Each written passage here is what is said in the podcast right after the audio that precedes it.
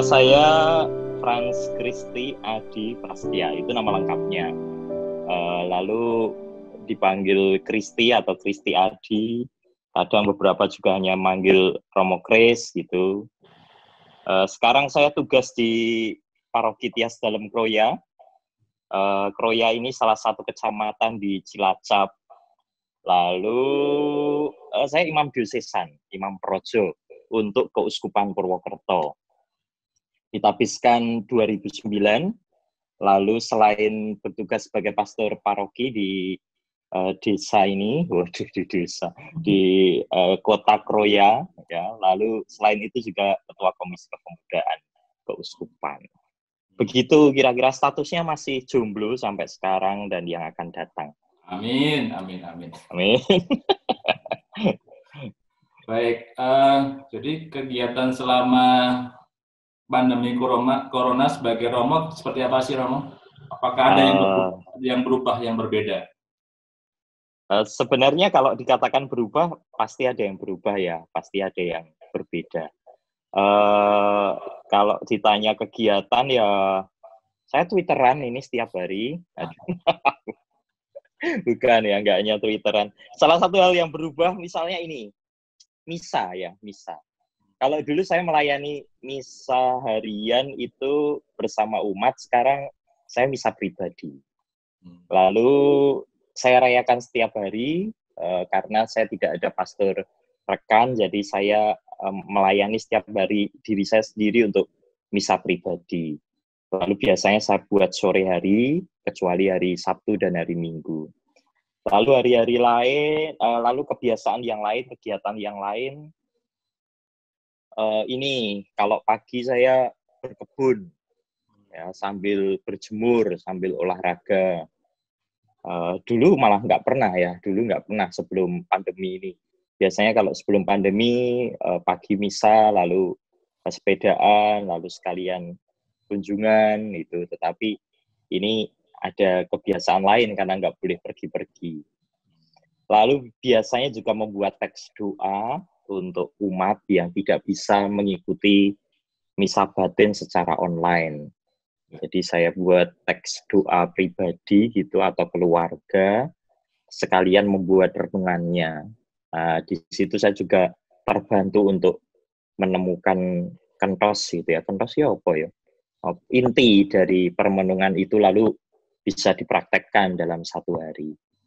Lalu selain itu juga uh, sekarang kita giat berbagi gitu ya, berbagi kepedulian. Uh, setiap Rabu ada acara Rabu berbagi, lalu juga ini beberapa hari ini sedang packing sembako untuk dibagikan. Ya, uh, pasti ada perubahan-perubahan, tetapi saya mencoba untuk menikmati perubahan ini dengan rasa syukur dan pengharapan dan menggembirakan sih artinya ya meski kadang-kala rindu ketemu umat berjumpa dengan umat hanya bisa menyapa lewat handphone gitu ya eh, lewat jejaring sosial. Tetapi uh, ya inilah yang terjadi tetapi harus kita maknai secara kreatif gitu.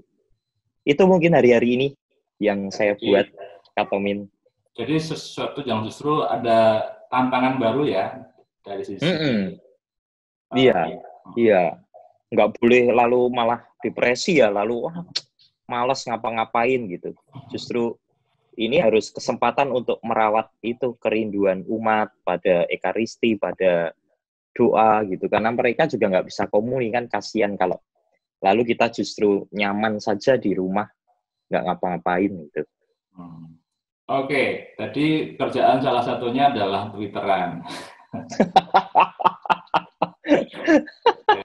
Jadi Romo Chris ada Romo salah satu Romo dari sekian Romo yang aktif cukup eksis di medsos. Nah kalau uh. tahu ini ceritanya bagaimana Romo? Sebenarnya sejak kapan? Lalu kenapa kok um, terjun di dunia medsos yang katanya itu kan dunia yang nggak jelas, remeh, receh, bahkan mungkin isinya macam-macam neraka itu.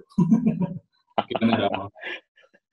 Ya, ya, oke. Okay. Uh, sejak dulu saya punya minat untuk mendampingi orang muda ya dalam hal uh, formasi kaderisasi gitu. Ada minat di sana juga soal spiritualitas gitu.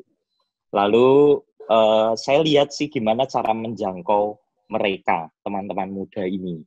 Salah satunya ya dengan medsos gitu. Uh, karena di situ dunia mereka salah satunya ya. Uh, meskipun saya juga mengajak tentu supaya tidak berhenti dalam perjumpaan di medsos tetapi lalu bergerak ke tempat yang nyata gitu. Tetapi saya menjumpai mereka di sana dan uh, saya bisa berbagi banyak hal di sana. Apa yang saya renungkan, semangat, kebaikan, permenungan gitu ya. Itu bisa menjadi uh, tempat untuk membagikan dan menggerakkan. Uh, yang pertama itu sih motivasi saya perjumpaan dengan orang muda dari berbagai macam hal, dari berbagai macam agama, gitu dari berbagai macam corak ide dan pemikiran. Uh, pertama-tama itu waktu itu. Yang kedua, saya menemukan banyak hal justru ketika saya bermedsos ini. Eh, wawasan-wawasan, uh, lalu perjumpaan uh, dengan banyak orang, dengan banyak pemikiran, ini membuka pemikiran saya juga. Saya belajar juga. Maka kalau uh, ada orang mengatakan gue dulannya kurang adoh gitu ya. Nah, saya adoh gitu. Uh, paling enggak dari media sosial itu bisa menjangkau ke mana-mana gitu. Tetapi tentu memang harus di selalu harus disaring, uh, selalu harus direfleksikan. Tetapi saya belajar itu dari berbagai macam ide, berbagai macam pemikiran. Saya lalu juga tidak gagap gitu ya ketika berhadapan dengan uh, haters, kebencian, ungkapan-ungkapan makian gitu. Jadi tidak mudah untuk terprovokasi dan seterusnya. Uh, jadi selain share, saya juga mendapatkan sesuatu, belajar sesuatu. Lalu yang terakhir ya refresh gitu. Artinya ya penyegaran karena saya bisa berketemu dengan banyak teman loh. Uh, ketemu dengan Katomin gini kan luar biasa senangnya ketika saya di follow itu wah bahagia sekali saya gitu ya di follow Katomin tuh rasa-rasanya seperti mendapat berkat gitu ya. Lalu juga apa ketemu dengan eh, orang-orang uh, dari teman-teman beda agama, saudari-saudara beda agama bisa bercakap-cakap, sungguh-sungguh merefresh gitu.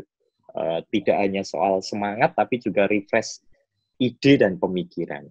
Jadi itu uh, motivasinya dan makanya saya tekuni sampai sekarang. Artinya saya gembira saja saya uh, eksis di medsos, ikut ambil bagian dalam uh, berbagi renungan, berbagi hal baik di medsos gitu. Pernah punya pengalaman yang mungkin aneh atau mengagetkan atau apa yang tidak pernah disangka-sangka dari aktivitas bermedsos? Hmm, baru tak refleksikan ya yang simpel mungkin misalnya tiba-tiba ada yang DM apa kayak gitu ada sih uh, ada yang tiba-tiba minta Romo buatin lagu dong untuk saya khusus gitu. Buatin lagu nanti dinyanyikan ya ketika live Instagram. Ini malah baru-baru ini jadi masih saya ingat gitu. Padahal saya nggak bisa buat lagu ya. Hmm. uh, apalagi buat lagu untuk seseorang yang tidak mengena di hati. Waduh.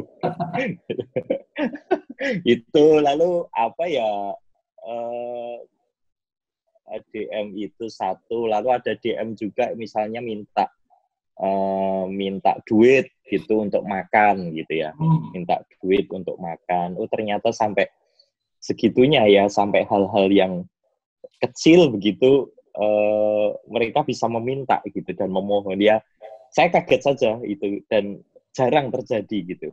Uh, orang tiba-tiba WA hanya untuk minta makan siang gitu, dikirimi duit untuk makan siang gitu. Oh. Itu beberapa hal. Uh -uh. Followernya berapa Romo?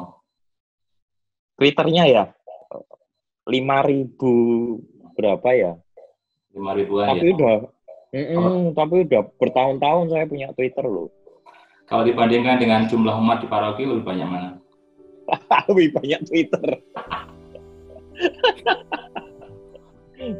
Berarti eh, umat Romo lebih banyak di Twitter ya dibandingkan di paroki ya?